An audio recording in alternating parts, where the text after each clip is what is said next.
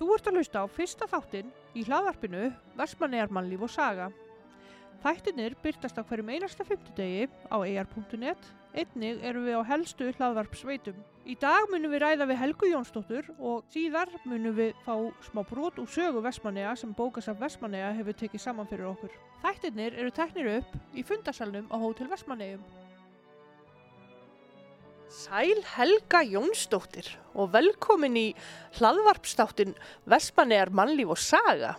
Bara takk fyrir að bjóða mér og sæl og blessu Alma. Hvað hérna, nú langar mig bara að forfinnast, hver er Helga? Já, Helga Littla fættist eh, hér í Vestmanni um 11. ágúst 1955 klukkan 11.35. Það var, gekk á með svakalegu veðri þennan dag og, og Littla Dúlan hún fæðist í kvistherbyggin í, í húsi sem hétt Pálsborg, stóð við njarðastík, fóð svo undir hraun setna meir. Og um það leiti sem ég er bara komið heiminn þá gengur því lit veður yfir eigarnar að það flætti mér þess að hér upp á strandveg sem að, já alveg bara upp á strandveg og það var eh, gladags sólskinn en háað rók, hásjáað. Og það hafði kjartan Ólásson afi minn sagt já eitthvað veit þetta nú kannski á skaphöfn þessara litlu dömu sem var að fæðast. Og sólskinn, rók og gengur mikið á. Já. og það var mikið pælt í því hvað ég ætti að heita hvort ég ætti að heita Alda, Rönn, Bilgja Hafdís, eitthvað slíkt. Þá var það einagili bróði minn sem var þannig, hvað ætla hann ekki verið fimm ára Akkur láti hann bara ekki heita Hólskeplu en sem betur fyrir fjekki núna ömmu minnar sem að hétt Helga Jónsdóttir, hún var nýt áinn þarna. Þannig að þetta er svona fyrstu skref mín inn í þessa veröld. Já. Hún, ég myndi nú segja að veröldi mín hafi verið full af sólskinni, háaða róki og hafa gengið á ímsu, en lífið er dásanlegt. Já. Hvernig eru fjölskylduhæðinir?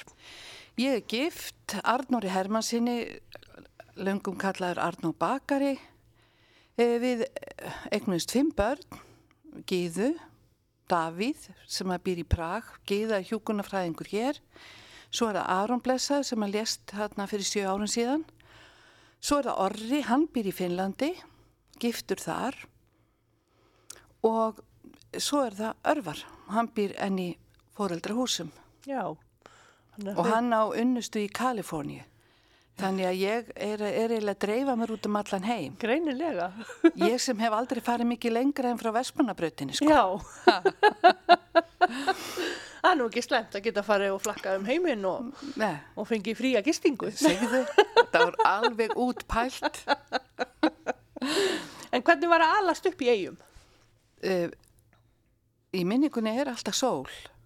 Ég, það er, var indislegt og er indislegt bæða alast upp og alupönd hérna. Bjó á urðaveginum sem að fóð síðan undir hraun og uh, ég bjó líka hérna við Njarðastíg og svo flutti ég tíu ára hér upp á Vestmannabraut 69 sem að er húsi sem að ég á í dag og það var bara indislegt, mannlífi var frábært, það var heilt þorpa alup hvert barn, Mm. okkur kom, maður tók eftir í að fólkið í húsinu eða í götunni, eh, þeim kom við hvað var að gerast með barnið í, sem að bjó í götunni. Já. Þetta var ekki bara enga mál einhvers. Þannig að mér fannst ég alltaf vera svo örug sem líti barn. Já. Var hérna, fyrstur þú að hafa grætt eitthvað á því að alast upp í eigum? Já, e, það er eitt góðum aðeins sem sagði, það er eitthvað svo sérstættu vestmanninga, það er svo mikið, skerja menningin er öðruvís en annar staðar. Mm. og þetta er alveg rétt, vegna þess að, að sko, maður á nú ekki að vera sko fyllast hróka en, og ég er að reyna að segja þetta minnst mikil auðmygt og hægt er, en mér finnst bara að hafa alveg stýp í vestmanniðum, það er bara gert manni að svolítið sterkari mannesku, meira sjálfbjarga og taka ekki lífinu sem sjálfsögum hlut. Mm Þetta svona finnst mér hafa gert mig líka að gefa mér það frelsi að fá að vera sem ég er eins og til dæmis það kemur fljótlega í ljós að ég hef mikið áhuga bæði á myndlist og tónlist og leiklist og ég hef alveg fengið að, bara að því ég bjó í Vestmannum þá hafði ég þessi tækifæri Já. af því að það er mér finnst vera sko þó að við séum ekki með uh, hvað, hvað ég segja eitthvað mjög stórt og virt leikús eða bara tónlistaskólinn okkar er óskup vennilegu tónlistaskóli og myndlistakenslan hefur verið bara óskup vennileg það segir þá bara allt um það hvað það er að búa í Vestmannin hvað þetta hefur samt gert manni kleift að springa út. Mm. það er einhver kraftur hér í, í náttúrunni og í mannlífinu og bara já, sem gera verkum að maður blómstrar. Já. Núna, hvað ert að gera núna til dæmis? Þessa dagan er nú undirbúið tónleika sem er í eldheimum núna á laugadaginn Já. Og uh, þar eru við Arnór á samt Magnús er einasinni gítarista og fyrir mútasmanni og sá sem flýtur nú hérna postkost frá Spáni á miðgutöfum. Þetta er mikið tónlistamadur og dásald að vinna með honum og eitt sem ég nú aldrei hitt en hann heitir Egert Jóhansson, feldskeri og er alveg sérfræðingur í því að með sænska vísnatónlist. Þannig að við fjögur ætlum að blanda svona saman og þannig að þessa dagan eru við að æfa undir tónleika. Einni er ég að undirbúa svolítið stórt og mikið verk í mósæki sem heitir bara sjófuglar við eigjar mm -hmm. Og er líka er að, er að fara að kenna börnum hana mósæk okay. hvernig og sérstaklega varandi útilistaverk Já ætla að vera með hérna svona vinnustofu fyrir Já. svona 14-15 ára krakka Já, þá í kvítahúsinu eða? Já, þannig er í einmitt listahúsi sem er nú alveg dásamlegu staður fyrir Já. okkur. Hvað eru eiginlega margir í, í húsinu? Sko í húsinu heldur við séum 27 eða 30 en í myndlistafélaginu, eða sko lista og menningafélagi versmanni þá erum við 64. Vá. Og það er sko vinnustofur og það er alltaf byggðlisti. Já, já, komast inn. Já, og þetta er óbúslega eh, flott félag, þetta er, þetta, við störfum alveg eftir svona ákunnum reglum og mm og eins og það eru aðalfundir, það eru húsfundir með þeim sem er í húsinu þrifplön, alls konar. Veist, þetta er bara alvöru félag. Já. og stöndu fyrir námskeiðum fyrir, sko, til þess að hjálpa okkur sjálfum. Eða einhver í húsinu, hann kemur og er tilbúin að vera kannski vegum kannski skemmtilega laugadaga saman.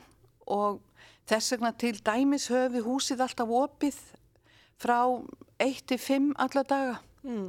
Þegar einhver er að vinna í húsinu þá hefur hann opið og við svona, þannig allir geta versmanningar bara af götunni geta lappa þarna inn, meg að fara þarna upp um allt og skoða og það er vinnustofur sem eru opnar, það, það er öllum frjást að fara inn og sjá hvað myndlistamæðurinn og listankonan er að gera. Já, ok, skemmtilegt. Þetta er óbúslega flott framtak hjá visku og þekkingasetri að hafa leikt okkur þetta á mjög svona viðrálegu verði. Já, Hvað hérna, ef að ykkur myndi til dæmis vilja komast í þetta? Lista á menningafélagið, já. já. Hvaða rálingar hefur fyrir þá sem að hafa áhuga á að koma og vera með ykkur?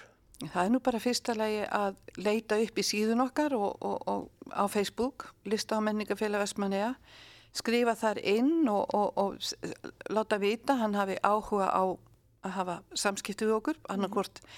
Sumir vilja bara vera í félaginu, borga árgjald því þá fá þeir inn í árgjalduna geta til dæmis, þá geta þeir tekið þátt í síningum, fá að hengja upp myndir.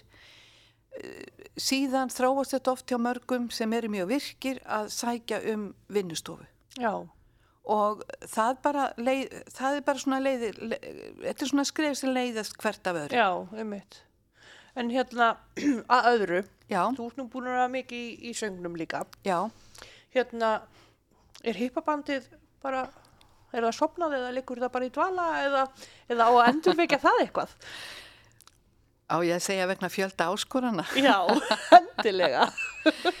sko, hippabandi var svo sem bara síns tíma og við höfðum, sko, hvaðinn að því að við halda áfram hippabandinu var fyrst og fremst kannski bæði áhug okkar á menningu þess tíma. Mm -hmm en það var ekki verra þegar grímur og simmi áttu höllina þá var þetta svona aðgengilegra fyrir okkur að halda Já. alls konar upp á komur og það var mjög hvetjandi. Og, og, og það verður bara að segja þess að þetta er erfitt í dag fyrir svona sértæk bönd Já, að eh, að eigum við að fara að halda hippaháttið aftur okkur finnst nefnilega sko ef að hippabandi kemur fram þá verður við í rauninni hafa hippaháttið. já, Það er bara svo margt breyst til dæmis þegar hérna vélskólinn var seldur og það, þar höfðum við hérna svona listaháttið hippans -hmm. og þar var, það var dagur eitt á, á, á þryggja daga hippaháttið. Svo á þeim degi kerði við á hippabílnum um bæinn daginn eftir þá var búið að opna hér einhverja litla búð sem að ein hún, hérna Þórun Jóns og Ásta Kristins héttu þar, heita þar, stóðu fyrir því og, og voru búin að sauma hippafött og seldu, svo bara mætti fólk bara á hippabalum á lögataskvöldinu og það var ofbóðslega gaman. Þanga til alltinu voru sett bönn á höllina, við máttum ekki vera nema til 11 eða til 1 og, og það var svona já. og það var ekki einu sinni COVID sko. Nei, en þannig að ég get sagt þér að kannski ímislegt dreigi kannski úr uh, hvað ég segja um, umhverfið var ekki okkur eins vænt eins og var. Já, svo bara fórum við öll í sitt hverja áttina í tónlist. Við vorum öll í tónlist fyrir. Einmitt. og vorum alltaf að fá svona nýja og nýja inn. Grunnurinn var alltaf svo sami það voru ég og Arnór það var Hrafnildur, það var Grímur og svo Þröstur þetta voru við svona fimm sem voru grunnurinn svo voru við svona rúla og fá þrjá inn Já, þannig að kannski ástæðan fyrir í dag að- við erum ekki lengur starfandi sem hippaband það er bara var kannski komið tíma á annað já. ha. Nei, það verður nú gaman að fá svona reunion eitthvað tíman ef maður má sletta. Já, við komum nú saman held ég fyrir fjórum áru síðan Já, að beini einhvers, ég nú reyna að muna hvað það var, en við, við gerðum góða hluti þá. já. Þetta var mjög skemmtilegt tímabil. Hérna, uh, hvað finnst þið svona ábótavant í Vestmanniðum? Uh, bara vistu það, mér bara dettur ekkert í hug. Nei, Það er bara ekkert ábóta vant í Vestmanniðin finnst mér sko. Mér finnst bara allir verið að leggja sér fram við að, að, að, að þetta samfélag okkar gangi upp og, og bara eins og sjá bara hvað er dásald að gerast í okkar samgöngumálum.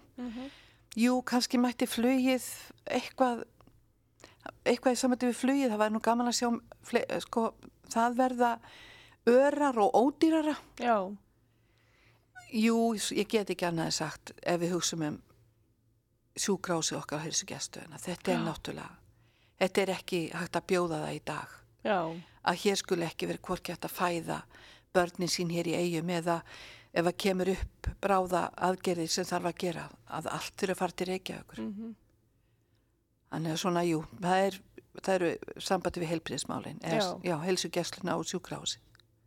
En hérna, hvað er stæðsta prakkarastriki sem þú hefur gert? Ó. Já. Uh, ég þarf nú eiginlega eina björn, fyrirgeðu mér.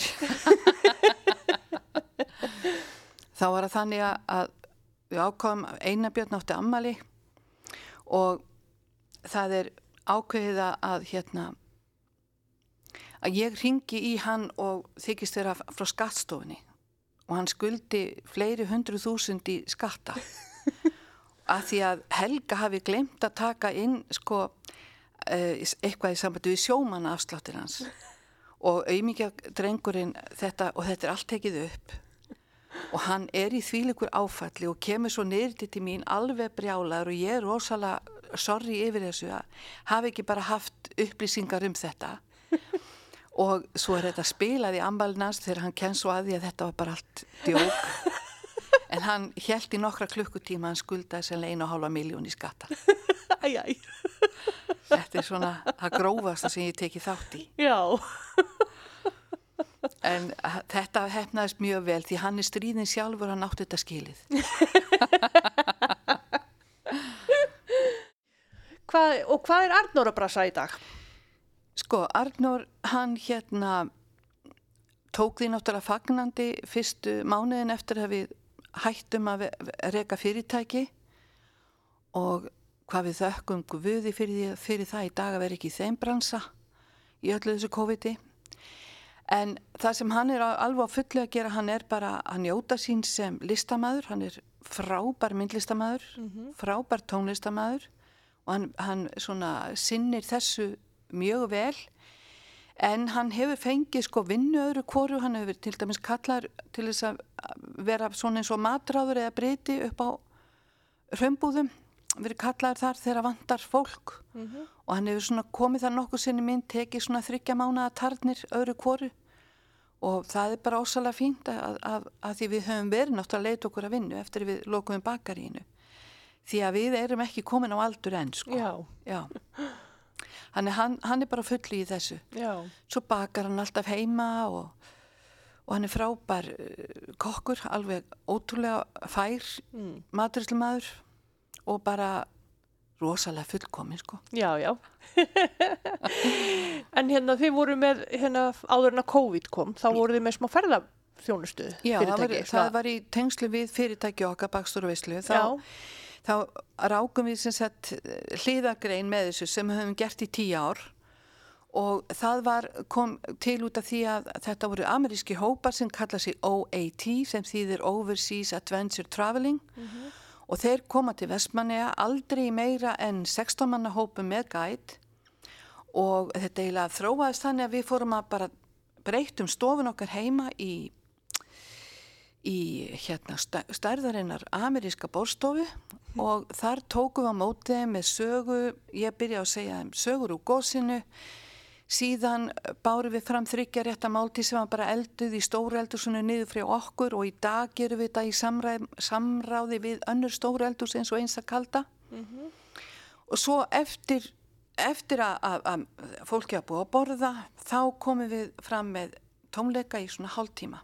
Já, allt svona lög frá hippatíðanbilinu, eitt íslenskt lag, yfirleitt oddgeslag og þetta er, vorum við búin að gera í tíu ár já, og ok. ákvaðum að halda þessu áfram þar sem að við sko eigum en þá félagið og, og getum uh, haldið út í löglegri starfsemi, þetta er allt löglegt sko. Annars myndi ég ekki segja þetta henni og hérna svo bara hlakka okkur til eins og í sumar að virkilega fókusa bara á amerikanana Já, en því miður þá náttúrulega vil bara engin amerikana núna eins og er sko. Nei, nei, ekki með hana þetta skemmtilega Já. innan gæsalappa Já. ástandir í gangi. en það er búið að bólusetja Arnór það fylgdi nú starfinu á römbúðum Já, Hann er sérst ekki vissmaður eða heimilismadur. hann er ko- kokkur þar en þá. já, Og ég held ég fá nú ekki bólusetningu fyrir inn í júni. já. Þannig að það er búið að vera nóg að gera hjá ykkur. Já, Og eru þið með eitthvað svona, eitthvað nýtt á nálinni sem að, ykkur hugmyndir sem eru í gangi? E, bara það að við, sko, við ætlum nú að halda áfram þessu að sinna okkar tónlist og, og myndlist. En síðan ætlum við að halda áfram þessum pop-up sýningum sem við höfum haldið í gardinum okkar á góðslokunum. Við erum að undirbúa það bara eins og venjulega. já, Það fáum við alltaf einhver, einhver tónlistafólk einhver tónlistafólk okkur til aðstóðar fáum eitt myndlistamann líka myndlistakonu til að sína með okkur setjum upp tvö stór þjóðatjöld í gardinum sýningin er sett upp á mótni lögadagsins á góðslokunum og hún er tekin nýður aftur klukkan 6 því þetta má ekki e, út af raka sem myndast. Já. það mega myndlistaverkin ekki vera úti nema þá mín því að þetta er yfirlt útilistaverk sem hefur að gera í mósæk á, á, blágríti og þetta er bara dásanlegur sko hérna dagur. Hefur alltaf hefnast mjög vel við ætlum að halda þessu semst áfram en eh, við erum svona aðeins að skoða líka bara að fara að reyna að opna heimasíðu með okkar myndlist og líka það sem við erum að gera í tónlist já, Þannig að, að þetta er svona það sem við erum að undibúa. Já. Það þurfa að vera goða ljósmyndir, þetta þarf að vera vel undibúið, ekki bara henda þessu út í lótti sko. já, Þannig að ég er búin að vera í smá svona, uh, reyna að læra bara sjálf, sjálfmenta mig í það hvernig maður markasetur sig já, í gegnum vefin. Mhm. Af því maður fekk nú svo mikið sjálfströst við að fara í skrifstofuskólan. Ég lauk honum núna í vetur. já, til hafingi með það. Já, þetta var alveg stórkoslegt. margi spurði mig, hvað ert þú að fara í skristofuskólan? Ertu ekki búin að ertu ekki búin að vinna við þetta í 25 ár? Já. Ég segi, já, nú er ég búin að fá pappir þá upp á það sem ég Já. gerði í 25 ár. Já. Og mér finnst að þó að ég sé 65 ára gömul, mér finnst eins og heilin á mér hafi yngst um svona 10-15 ár við að setjast á skólabekk. Já. Og ég ráleik fólki að það er aldrei, aldrei og gamalt Já. til að læra. Það er stórkoslegt að setjast á skólabekk, kynnast fólki, frábæri kennarar og núna bara ég er ekki trætt þess að tölvum að downloada þessu fórriti, opna þetta.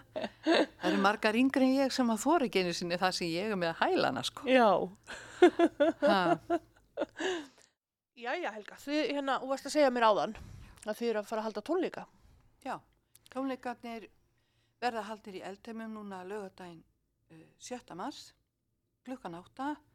Uh, þetta er sagt, ég og Arnór, það er Magnús R. Einarsson og Egert Jóhansson og við verðum með svona, þetta eru vísna og ljóðatónleikar og við flytjum svona blandaða tónlist, þetta verður mjög uh, skemmtileg blanda og hérna það er hægt að kaupa, það, það er hægt að kaupa miðana upp í eldheimu og panta þá því út af sem þess að takmörkunum, þá Mhm. borga sig af panta borð og, og tala við Kristjánu Jóhans sem fyrst Já.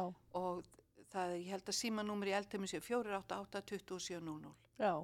Og hvenær eru tónleikarnir? Á lögadaginn sérst lögadaginn 7. mars, klukkan 8 klukkan átta. Já. Bara gangi ykkur vel og Takk. hérna, og það verður nú gott að fá smá tónlistaflæði inn í, inn í ástandi núna og bara vonandi að, að þetta fyrir alltaf opnast. Og þannig að það er búið að vera nóg að gera hjá ykkur og bara greinlega björt framtíð framundan Já, og ég vil bara þakka þér kærlega fyrir að koma og tala við okkur. takk fyrir spjallið Alma Það eru bara gaman að tala við þig. Sömu leiðis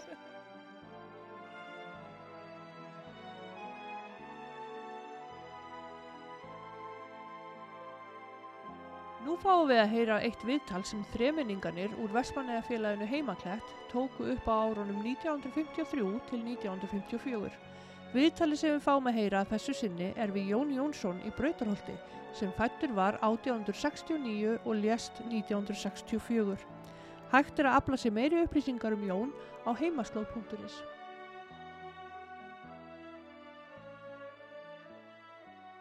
Komið nú sæl. Við þreifmenningarnir og heimakletti erum nú stættir af Brautarholti, heima hjá elsta núlifandi umfættum vestmanniðing, Jóni fyrfirandi spítalavinnumanni, Jónssoni. Við ætlum að spjalla dálítið við gamla mannin um liðin ár. Jón er vel hressi líkamlega, enda þótt hann sé nú orðin æði gamall. Hann hefði vafalist frá mörgu að segja ef að tími væri til á æsku árum sínum og liðum æfi árum, því hann hefur sopið bæði súrt og sætt í lífinu, starfað mikið og margt, farið til Ameríku, unnið þar og dvalið nokkur ár og talar enn mæta vel enska tungu. En nú skulum við heyra í gamla manninu. Kondur nú blessaður og sæl, Jón minn. Komið þið blessaður og sælir. Okkur langaði að spjalla dálítið við þig og taka það upp á segulbandið. Helst langar okkur að heyra eitthvað frá uppvakstar áru þínum. Já, það er sjálfsagt að segja ykkur eitthvað, en ég veit bara ekki hvað það ætti helst að vera. Og svo er ég hálf feiminn að tala svona. Það er allt í Jón. Þú þetta ekki vera feiminn úr okkur. Hvað ertu annars orðin gamall og hvað ertu fættur? Ég er 84 ára gamall, fættur 15. júli 1869 á Norðurbænum á Vilborgastöðum. En fluttist að Dölum, Dölum árið 1880 með foreldrum mínum. Hverjir voru fóröldra þínir? Foreldrar mínir voru Jón Hrefstjóri Jónsson, dáin 1916 og kona hans Jóhanna Gunstinsdóttir, dáin 1922. Þau voru bæði skattfellingar en fluttut til Vestmanneia í februar 1869 vikuna eftir útileguna miklu sem allir hafa heilt talað um. Já, einmitt. Já, ég var löst að hafa flestir hitt talað um útileguna þá. En viltu nú segja okkur eitthvað frá uppvakstar áru þínum í Dölum, Jón? Þegar við fluttumst að dölum var aðeins ein einstæðu kona í því húsi sem fadir minn flutti í. Konan var kölluð stuttaranka því að smávegin vaksin var hún. Öll hús voru niðurfallin og þurfti fadir minn að byggja þau. Öll upp til þess að koma að þar, komast þar inn. Annars byggði hann þriðsvar upp húsi í dölum í sinni búskapartíð. Í dölum hafiði áður verið þrýbíli en í tíð föður míns var það einbíli og ávald upp á því. Hver stór var jörðin svona hér um bil? Það voru á fóðurum tvær kýr, tvö hross, 24 ær og 10 til 20 lömp í heimaögum en í álsau sem er leigu, leigu máli frá jörðinni voru 25 kindur, auk tveggja kollunarsauða sem fæðir minn hafi sem þóknun fyrir að vera umsjónarmaður eigarinnar fyrir samegin menn, eigna menn sína. Af túninu fengust 80 til 120 hestar af töðum. Já, einmitt.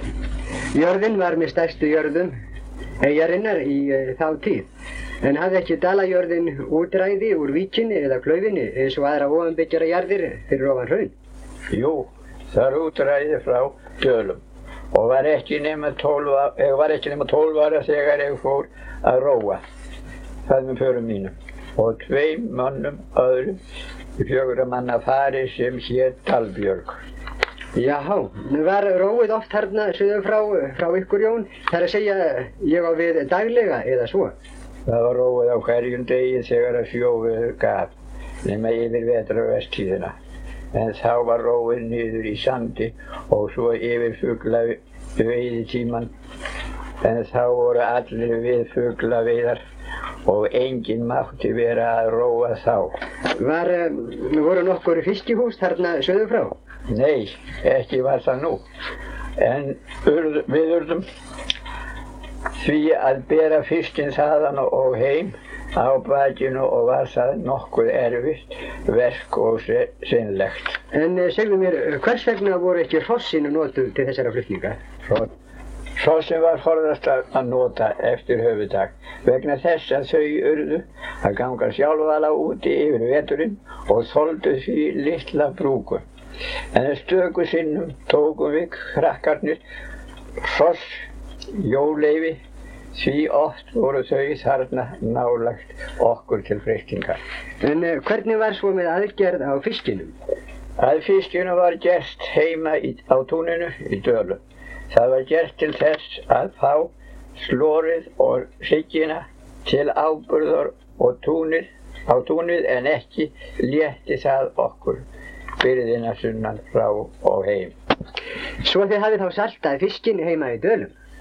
Nei, fisk sem átti að selja urðum við svo að bera í pókum niður í þorpin og salta hann þar í fiskikróna okkar niður í sandi. Nú þetta hefur verið vond verk og erfitt hjá ykkur úlingunum eins og fleira í þá daga. Já. Þið hafið þó getað fyllt ykkur á leiðunum.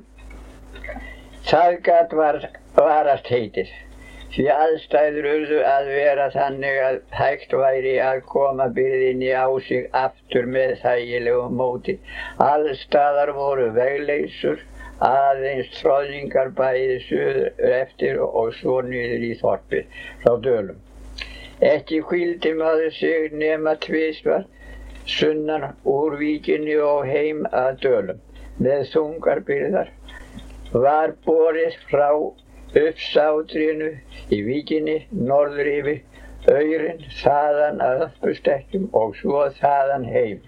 Nú, hvað var uh, nú þessi byrði á að giska þung, heldur þú?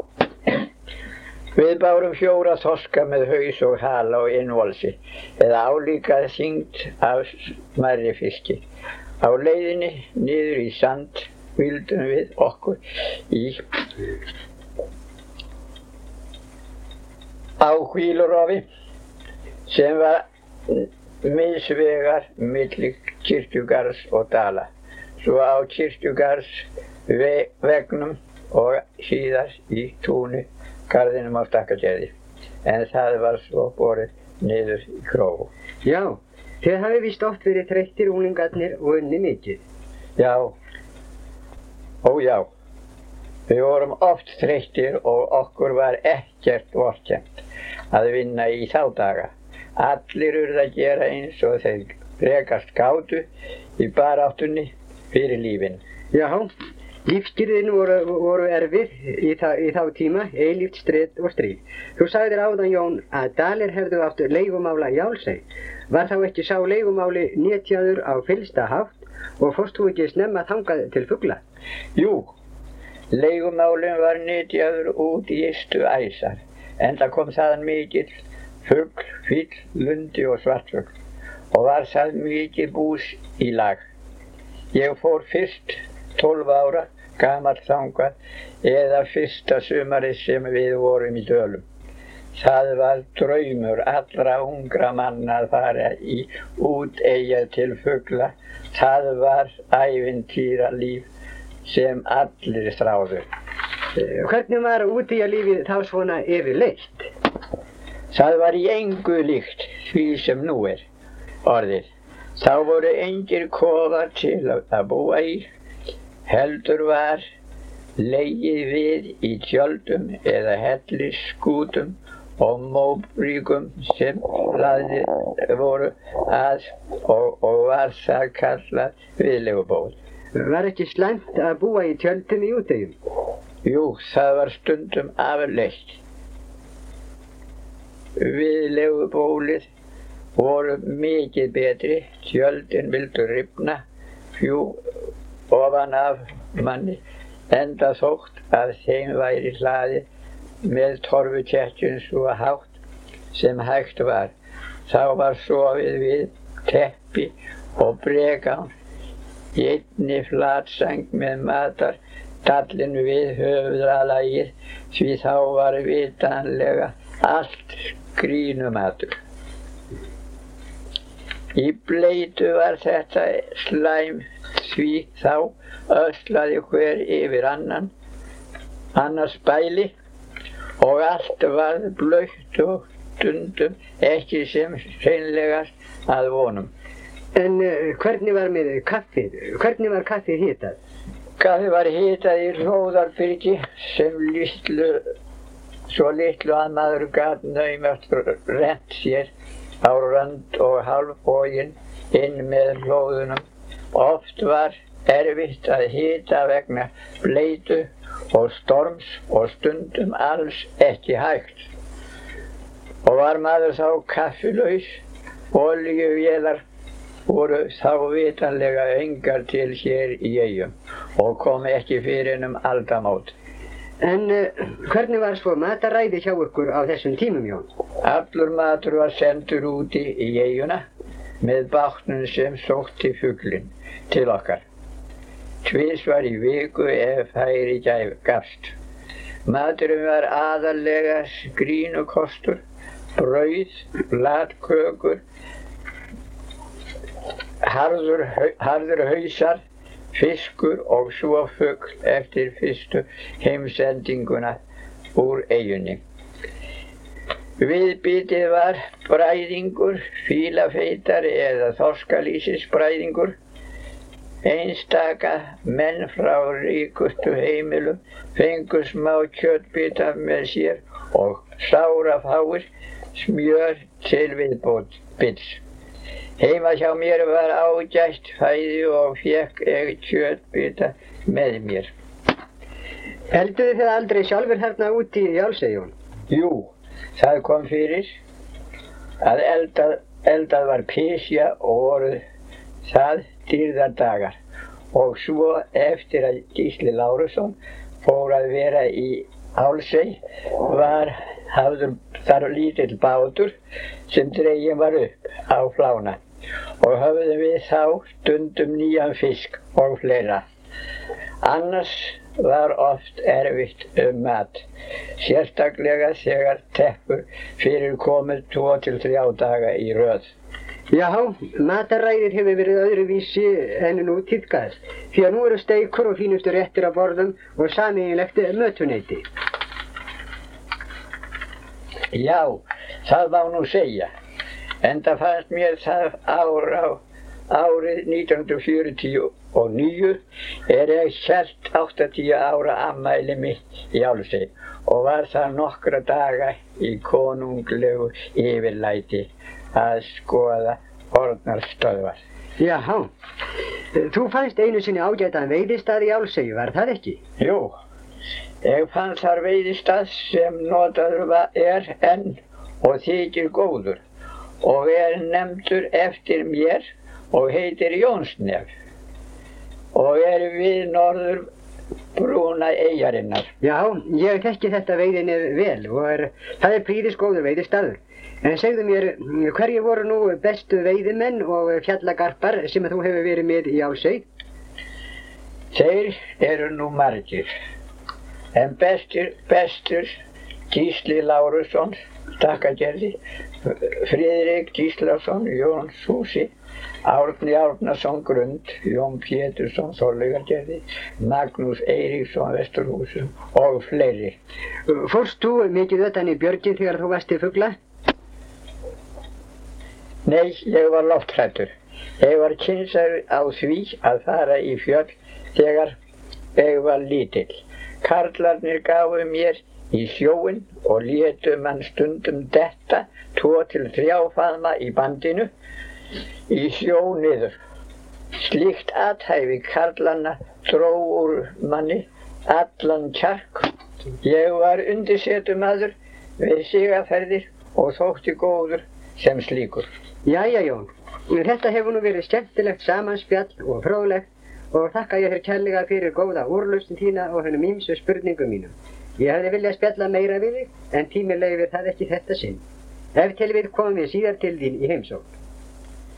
Já, verið þið velkomnir aftur. Hvenær sem þið viljið. Manstu eftir nokkru sérstöku sem þú vilt segja til eigamanna inn á segulbandi svona að skilnaði? Góðir áherindur, Jón ætlaði nú að segja nokkur orð til ykkar, svona að skilnaði, en eh, tilfinningarnar segja stundum til sín.